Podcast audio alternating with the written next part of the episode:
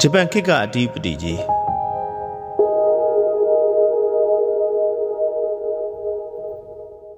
ကျောင်းသားခေါင်းဆောင်ကနေနိုင်ငံရေးလောကထဲပြစ်ဝင်လာတဲ့ကိုအောင်ဆန်းတယောက်အင်္ဂလိပ်စကားအပြောအဆိုနဲ့ပတ်သက်ပြီးအားကျအတူယူရတဲ့ဗမာတအူရှိပါတယ်။သူကတော့ဒေါက်တာဗမော်ဖြစ်ပါတယ်။ဒေါက်တာဗမော်ဟာ1893ခုနှစ်ဖေဖော်ဝါရီလ10ရက်နေ့ဗုဒ္ဓဟူးနေ့မှာမူပင်မြို့မှာ အဖဦးမောင်ကြည်အမိတော်သိန်းတင်တို့ကမွေးဖွားခဲ့ပါတယ်။မွေးချင်းနှစ်ယောက်မှာအငယ်ဖြစ်ပြီးမွန်ပမာမျိုးရိုးဖြစ်ပါတယ်။ဖခင်ဦးကြည်ဦးမမောင်ကြည်မှာသာသနာပြုဆရာကြီးဒေါက်တာမှတ်ရဲ့တပည့်ရင်းတူဖြစ်ပြီးမန္တလေးတန်တဲ့ကျောင်းမှာမင်းတို့မင်းရဲ့သားတော်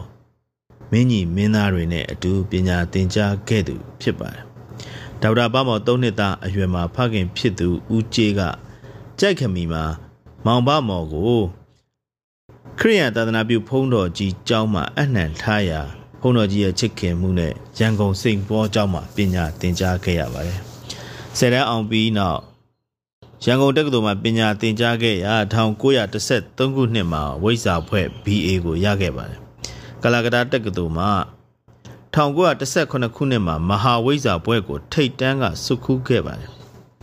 အင်္ဂလန်နိုင်ငံ Cambridge တက္ကသိုလ်ကဝိလုံဘွဲ့ကိုရခဲ့ပြီး1924ခုနှစ်မှာလည်းပါရဂူဘွဲ့ကိုပြင်သစ်နိုင်ငံဘော်ဒိုတက္ကသိုလ် University of Bordeaux ကနေရရှိခဲ့ပါတယ်။အင်္ဂလိပ်စကားကိုအင်္ဂလိပ်အစစ်လိုပီတစွာပြောနိုင်ပြီးဘာသာစကား6မျိုးတက်ကျွမ်းပါတယ်။ကလာကတာတက္ကသိုလ်ကနေ1918ခုနှစ်မှာမဟာဝိဇ္ဇာ MA ဘွဲ့ကိုထိတ်တန်းကနေစုခူးခဲ့ပြီးတဲ့နောက်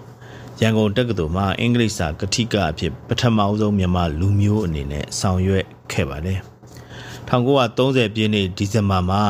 တာယာဝတီကလုံဆရာဆန်းနဲ့မြို့ချစ်တော်လိုင်းရေးသမားတွေဘက်ကနေရှေ့နေဖြစ်လိုက်ပါဆောင်ရွက်ခဲ့ရာဒေါက်တာဗမော်တဖြည်းဖြည်းထင်ရှားပြီးလူသိများလာခဲ့ပါတယ်။1936ခုနှစ်မှာဒါခီအုပ်ချုပ်ရေးကာလရမဲတင်မြောက်ပိုင်းကမင်းတိုင်မင်းမတ်အဖြစ်ရွေးကောက်တင်မြှောက်ခြင်းခံရပါတယ်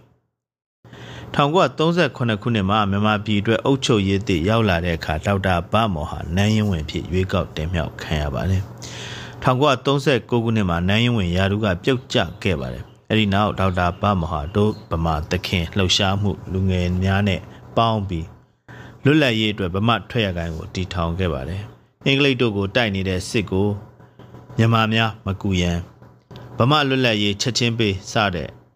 အမိတ်9ချက်ကြောင့်ဒေါက်တာဗမဟာထောင်နှန်းဆန်ခဲ့ရပါတယ်1943ခုနှစ်ကနေ1945ခုဂျပန်လက်အောက်တွင်ဒေါက်တာဗမဟာအုပ်ချုပ်ရေးအကြီးအကဲအဓိပတိပုဂ္ဂိုလ်တဦးအဖြစ်ဆောင်ရွက်ခဲ့ပါတယ်ဂျပန်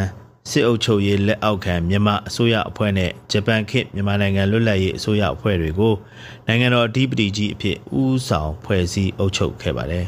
ဗိုလ်ချုပ်အောင်ဆန်း သခင်မြဒေါက်တာသိမ့်မောင်တို့နဲ့အတူဂျပန်ဧကရစ်ဘရင်မင်းမြတ်ရဲ့တက်နေဝင်တစိ့ Order of